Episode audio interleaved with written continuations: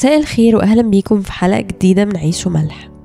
مكملين مع بعض في الجامعة والمرة اللي فاتت كنا بنقرأ في الإصحاح الثالث واتكلمنا على فكرة الوقت وقد إيه هو حاجة مهمة بالنسبة لناس كتير.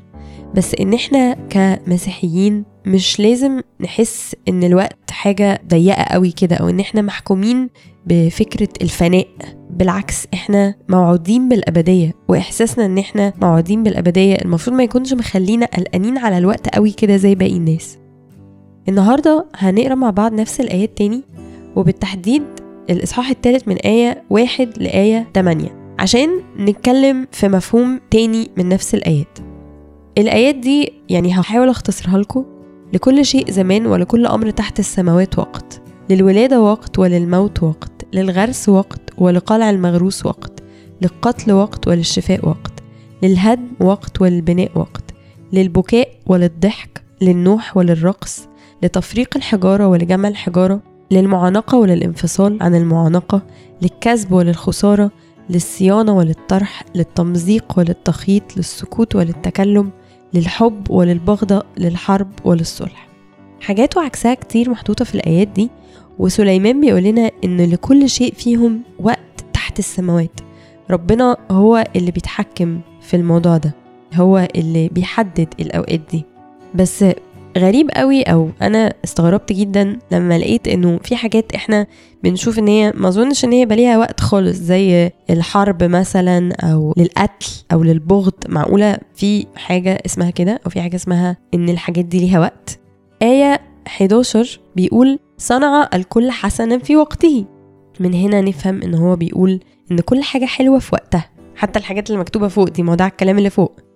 وأيضا جعل الأبدية في قلوبهم التي بلاها لا يدرك الإنسان العمل الذي يعمله الله من البداية إلى النهاية. فهنا في شرط إنه عشان الحاجات دي تبقى حسنة في وقتها لازم تكون مرتبطة إنه أنا إنسان الأبدية في قلبي.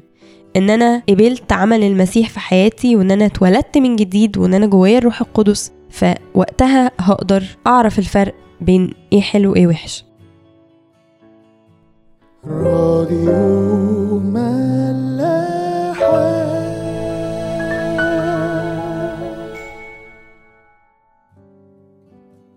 لما قريت الآيات دي أول حاجة جت في مخي فيلمين كده اتفرجت عليهم وكانوا بيناقشوا نفس القضية وكنت محتارة قوي ومتوترة من الفيلمين دول بالذات إن أنا اتفرجت عليهم تقريبا في نفس الوقت مع انهم ما اتعملوش في نفس الوقت. أول فيلم اللي هو Machine Gun Preacher الاتنين قصة حقيقية. Machine Gun Preacher ده بيحكي على راجل كان واعظ عايش في بلد أفريقية. والبلد دي كان فيها العصابات اللي هي بتقتل الناس عشان الألماظ والذهب والحاجات الصعبة قوي اللي بتحصل في أفريقيا دي. وهو كان راجل يعني مسيحي وواعظ ماسك مسؤول عن كنيسة. بس اللي بيحصل من خلال الفيلم؟ إن الواعظ ده من كتر ما في أطفال بتتقتل حواليه وناس بتموت بيبتدي يتغير وبيبقى ماشين جان بريتشر كده زي ما مكتوب إن هو بيمسك السلاح وبيبتدي يقتل. بس ليه بيعمل كده؟ لأنه بيروح عشان ينقذ الأطفال اللي بيتخطفوا وبيتقتلوا من العصابات دي وبيبتدي إن هو يساهم في إنقاذ ال- الأطفال اللي بتتخطف عشان يحولوها لجنود. هم بيخطفوا الأطفال ويبهدلوهم ويعذبوهم ويمسكوهم سلاح ويخلوهم قتالين قتلة. فهو كان بيروح يجيب العيال دي وينقذها وهي دي كانت خدمته. تحول إن خدمته إن هو قعد بقى خاص في البلد دي وبقى بيشارك الأهالي إن هم يروحوا ينقذوا عيالهم ويخلصوهم من العصابات. ده أول فيلم اتفرجت عليه وكنت مستغربة قوي إنه حد مسيحي واعظ يسيب الخدمة والوعظ والكنيسة ويروح يشتغل في مهنة زي دي إن هو بيقتل عشان يخلص الأطفال دي من العصابات. والمشاهد بقى طبعا جاي في الفيلم بقى وهو بيقتل وماشين جان ومش عارف إيه الموضوع صعب شوية. تاني فيلم برضو كان اسمه هاكسو ريدج اللي هو كان بيحكي عن الولد المسيحي اللي استدعوه في الحرب ورفض إن هو يحارب ورفض ان هو يمسك سلاح وكانت مشكلة كبيرة جدا وصمم جدا لحد ما في الآخر ودوه إن هو بقى مسعف واشتغل مسعف في الحرب وما قتلش ولا رفع سلاحه في وش أي بني آدم في عز الحرب والقنابل والدنيا كلها بتتفجر حواليه.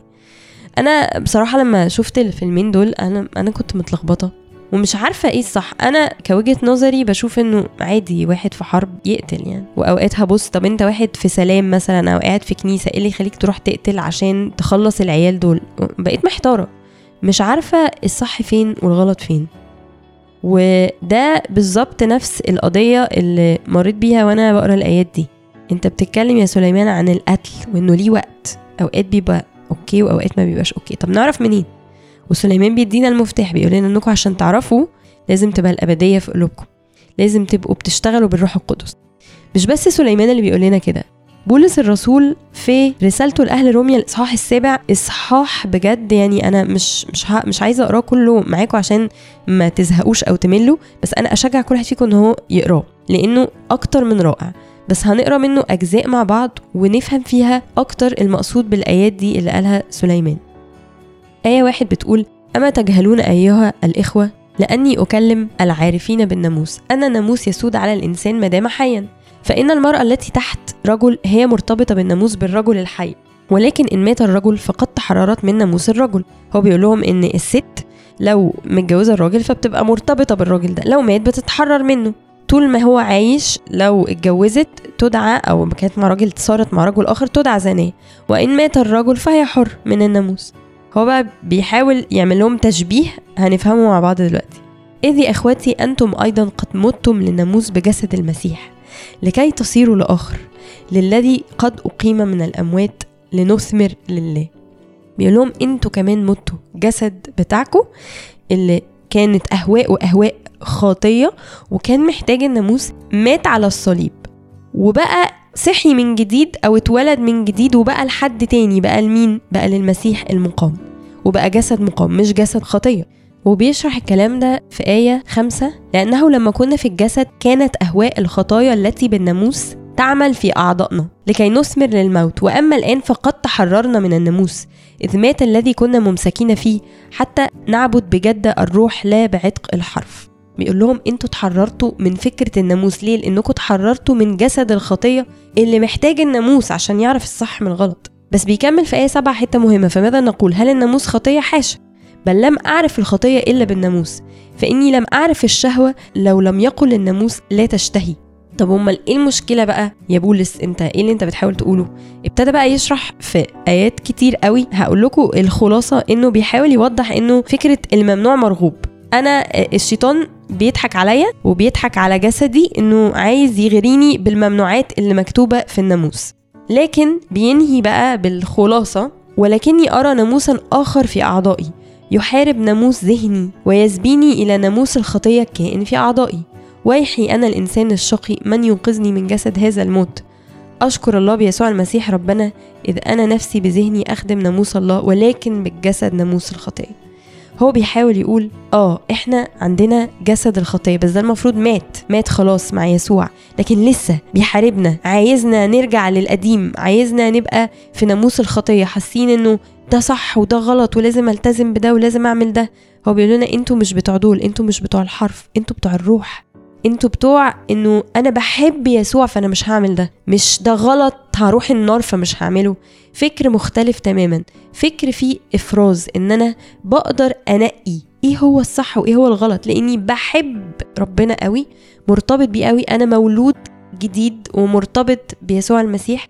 ففي الميلاد الجديد ده أنا قادر إني أختار بحرية مش بخوف. أختار بحب إيه اللي هعمله. مش لاني خايف لا لاني بحب يسوع وعايز أكون معاه وأمشي في سكته وطريقه. بيتكلم تاني بولس في الموضوع المهم جدا ده في رسالته لأهل كورنثوس الإصحاح الثالث اللي فيها آية مشهورة قوي كلنا عارفينها. آية ستة الذي جعلنا كفاة لأن نكون خدام عهد جديد. لا الحرف بل الروح لأن الحرف يقتل ولكن الروح يحيي. بولس بيعيد نفس المبدأ تاني إن إحنا دلوقتي بقينا خدام العهد الجديد عهد القيامة. الجسد القديم بتاعنا مات بقى عندنا دلوقتي سلطان على الخطية. ونقدر دلوقتي نتحرر من الناموس ومن الحرف اللي بيقتلنا لأن زي ما قلنا فكرة الممنوع مرغوب وإن الحاجة اللي ممنوعة عليا أنا دايما ببقى بطاردها. ولكن الروح يحيي الروح اللي هو بيحب ربنا وعايز يتبعه وعايز يرضيه. وهو ده اللي كان يقصده سليمان الحكيم بفكرة لكل شيء زمان ولكل أمر تحت السماوات وقت. إنه كل حاجة ليها ميعادها وليها وقت بتبقى مقبولة فيه. حتى الحاجات اللي ممكن نبقى حاسين إنها صعبة وغير مقبولة ليها وقت. وإنت تقدر تعرف الوقت ده. كل واحد فينا يقدر يفرز ويفهم ويعرف إمتى الوقت للأمور دي. إزاي؟ بالروح اللي جواه. بالأبدية اللي في قلبك. سليمان من آلاف السنين قبل مجيء المسيح اتنبأ بمجيئه وتنبأ بعمل الخلاص اللي هيخلينا نتولد من جديد ونتحرر من جسد الخطية وننطلق بحرية بمحبة مع يسوع المسيح نعيش حياة حرة من الخطية أو حرة من خوف الخطية ومليانة بمحبة ليسوع هي اللي بتحركنا وبتعرفنا الصح من الغلط. أشوفكم الحلقة الجاية ونكمل مع بعض. سفر الجامعة